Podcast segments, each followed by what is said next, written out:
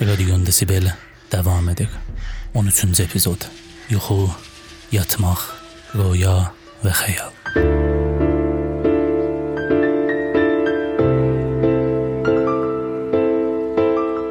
Bəlkə röyalarımız bir çörpüdülər bilincilərimizə və bilinçsiz zehnimizdə.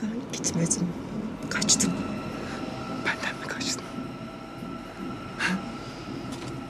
Defalarca koynunda yatıp kılına bile dokunmayan adamdan mı kaçtın? İşte bundan kaçtı anlıyor musun? Her şeyi senin gibi görebilmeyi o kadar çok isterdim ki. Ben ne görüyordum peki? Ben ne görüyordum? Adres yok. Telefon yok. Seninle yatıyorum sabah kalkıyorum yanımda hiç kimse yok. Önemli olan Önemli olan ne biliyor musun? ben. Ben söyleyeyim. Sen bencilsin. Ben HIV pozitifim. Yani senin anlayacağın AIDS.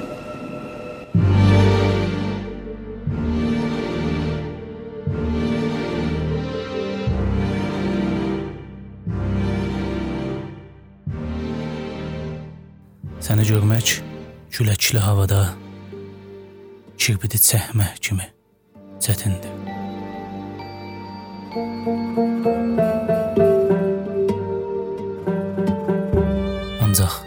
Mən sonuncu qutudakı kirbiti əllərinin qucağında əlovlandırmağa çalışacağam.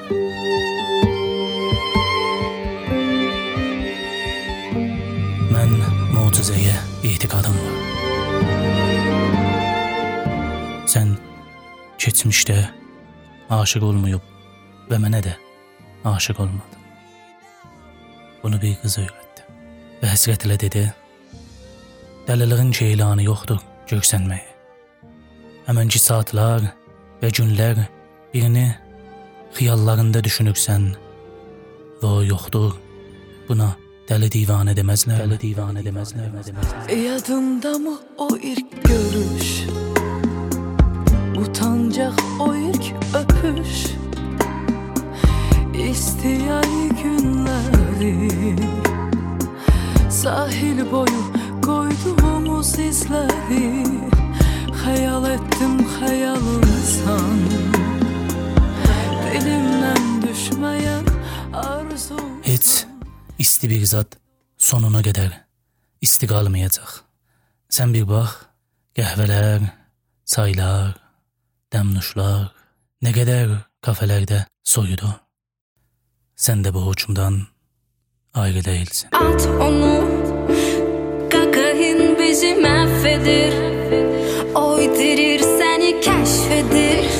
Bir defada başa düşmeni Ben ki değilim düşmenin. Şeylerin puç neticesiz uğursuz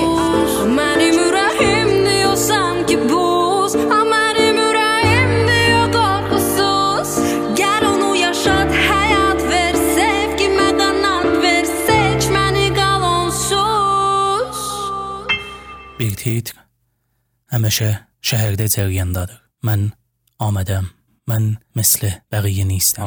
Amanız rəng ha, səbz ha, sefid ha və nəfş ha.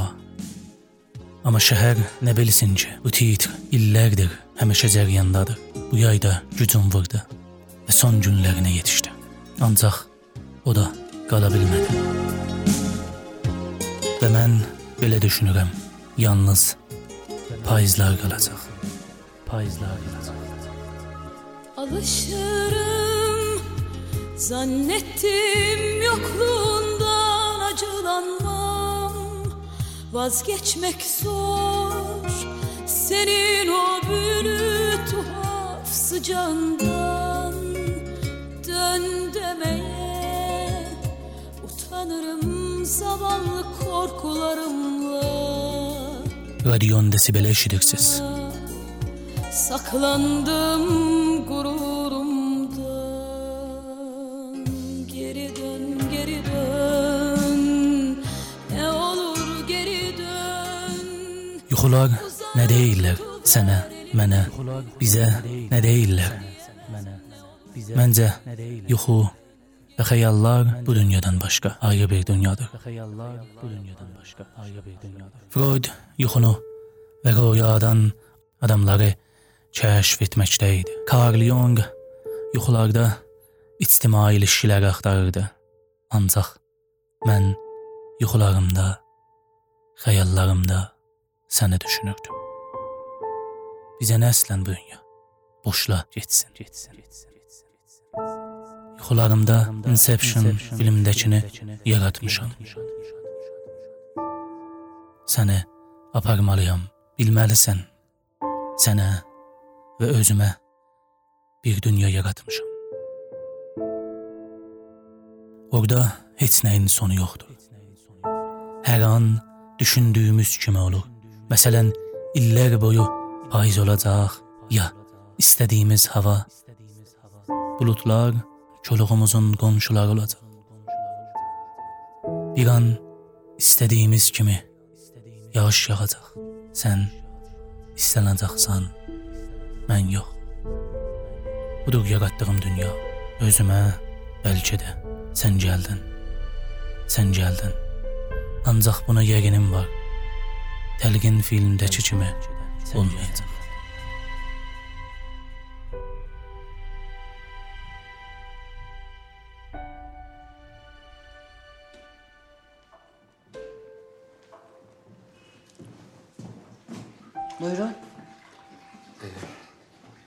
Hasta biri vardı. Ben e, Selim Bey kiracımdı ama vefat etti. ben sürekli onun yanına gelen renkli saçlı bir bayanı arıyorum. Ha kızı Duygu. Babasının vefatından sonra durmadı buralarda. Kızımı. Ekin.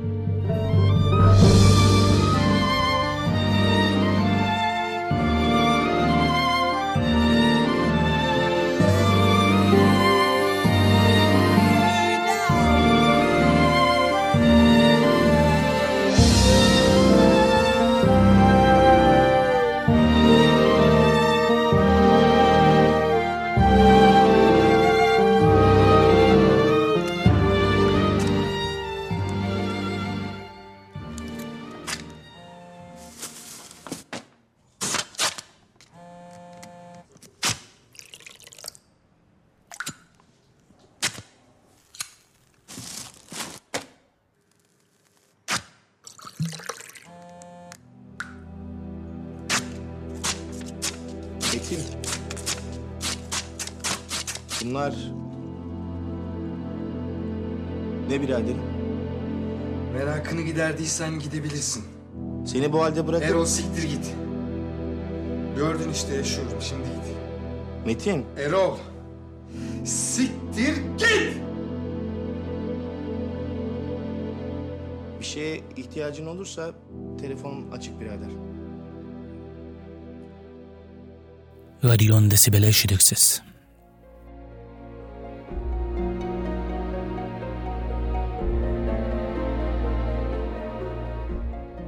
İstəyirdim yuxularımızdan, Carl Jung'dan və başqalarından bir sözlər deyim. Ancaq bu sonuca çatdım. Necə filmi tanıtdırsam daha etkilidir. Bəlkə çoxlarımız bu filmlərdən bir tədadına baxmışıq. Ancaq baxmayanlara və özümə 9 film, rüya, xəyal və yuxu qonularında adabar. Inception ya Təlqin Christopher Nolan Vanilla Sky ya Vanilya gökyüzü Asmanı Vanili Cameron Crowe Paprika animasyonu 2006 Satoshi Kon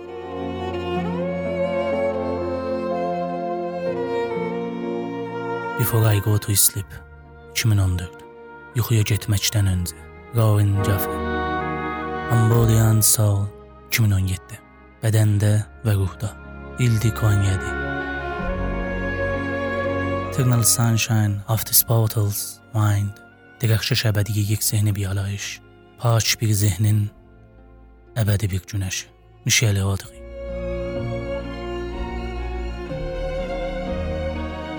James Cam 1998 Nə xəyallar gələ bilər.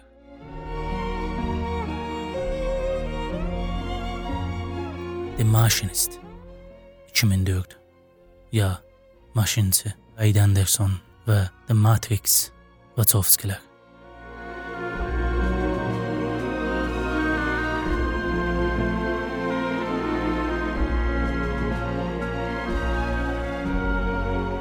Yuxu səssizdir. Ölüm kimi.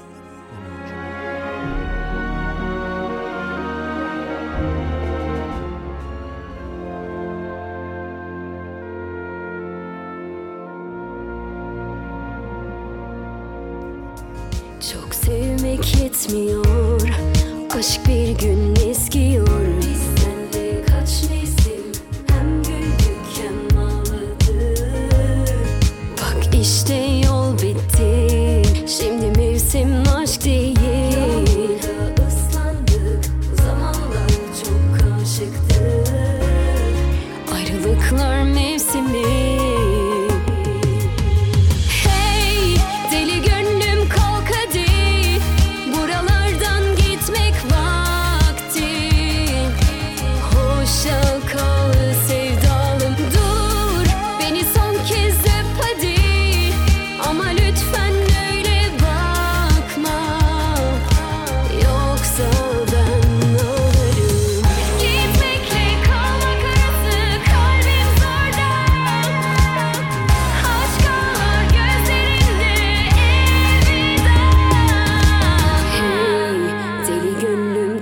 hadi Buralardan gitmek vakti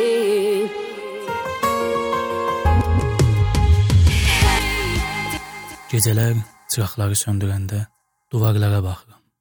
Hərdən də bir akvariumdakı balığa. O dənə-dənə balaca daşları akvariumun bucağında üst-üstə daşıyır. Bu işi bəlkə bir saat, iki ya üç saat çəkir.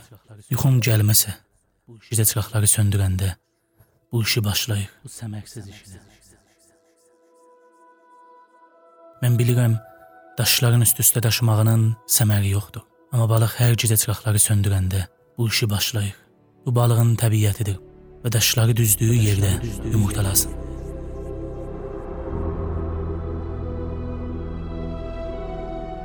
O öz yumurtalarının yerinin düzəltmədən madə balığın dalısıca getir. Mən bilirəm. Mən bilirəm daşların üst-üstə daşımağının səməri yoxdur.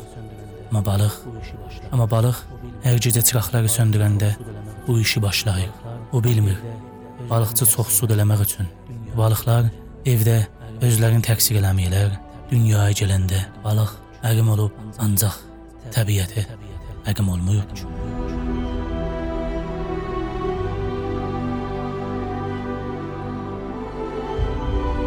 Hər səhər onun üst-üstə daşıdığı daşları dağıldıram. Bəlkə bilsin bu işin səməri yoxdur. Ancaq bu əlimə yumulur və mənim gözlərimdən su durmur. Ancaq çarəsi yoxdur.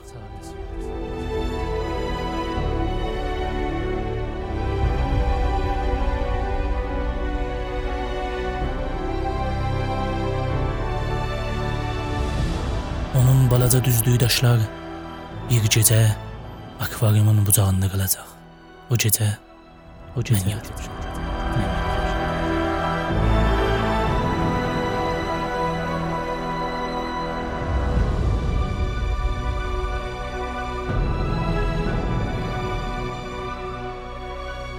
Bu bir yazılmamış qanundur. Deyiblər, bağıran səs qulağa yetişməz. Ancaq zimzimələr fıçıldayıraq. Çoxlarla fıçıldayıraq. Çoxlarla.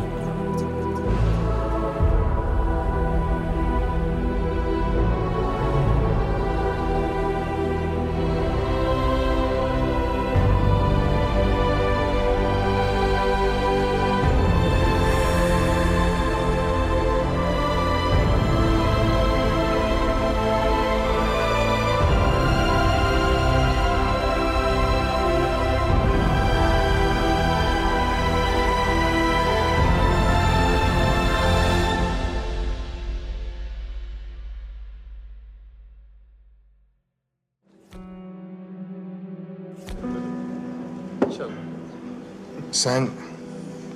Sen onu tanıyorsun. Seni onunla gördüm. Söyle nerede? Söyle nerede? Söyle nerede? Söyle. Söyle nerede? Yurt hastanesinde, yurt.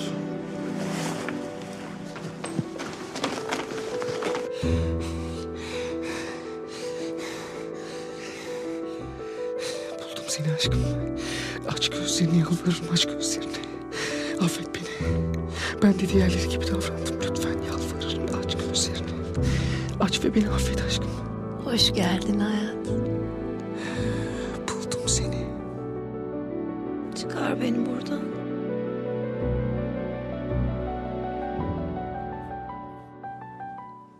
Ölümsüz olmak isterdim. Tedavi olmayı bile reddederken mi? Ben ölümden bahsetmedim ki. Ölümsüz olmaktan bahsettim. Sabah yine radyonun sesiyle uyanacaksın. Enerjiyle yatağından fırlayıp radyoyu kısacaksın. Sonra pencereyi açıp dışarı doğru gelineceksin. Dışarıda hikayelerini anlatmanı bekleyen binlerce hayat var. Sevişmeyi anlat onlara.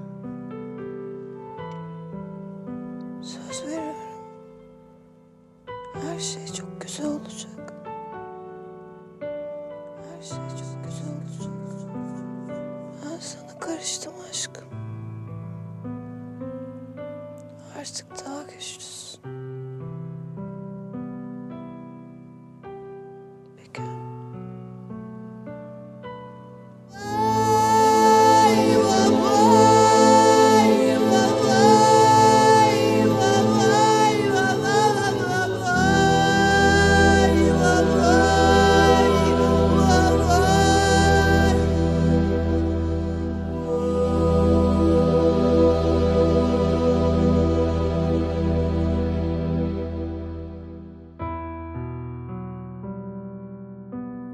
bu səssizlik.